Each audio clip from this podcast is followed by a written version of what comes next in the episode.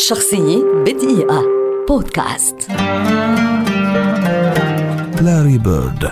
لاعب كرة سلة أمريكي شهير ولد عام 1956 ويعد واحدا من أساطير اللعبة ومن أبرز الأسماء في تاريخ ال NBA انضم إلى دوري المحترفين NBA عن طريق فريق بوسطن سالتكس عام 1978 وبدأ في مركز لاعب الهجوم صغير الجسم ثم لاعب الهجوم قوي الجسم لمدة 13 موسما وكان رأس حربة في واحد من أفضل فرق الهجوم وتم تكريمه لاثنتي عشرة مرة في فريق النجوم بالرابطة الوطنية لكرة السلة وحاز على جائزة أفضل لاعب في الرابطة ثلاث مرات. لعب بيرد طيلة حياته المهنية في نادي بوسطن وفاز مع الفريق ببطولة ال NBA ثلاث مرات. وبسبب مشاكل الظهر المزمنة تقاعد لاري بيرد كلاعب عام 1992 وكان عنصرا هاما في فريق الأحلام الذي فاز بالميدالية الذهبية في الألعاب الأولمبية الصيفية في العام نفسه. وقد تم اختياره في فريق أفضل اللاعبين في الذكرى الخمسين للرابطة الوطنية لكرة السلة عام 1998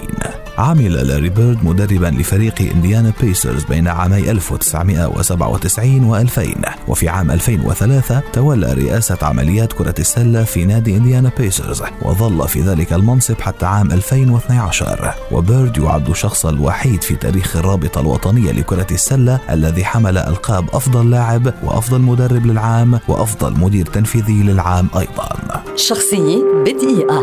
بودكاست.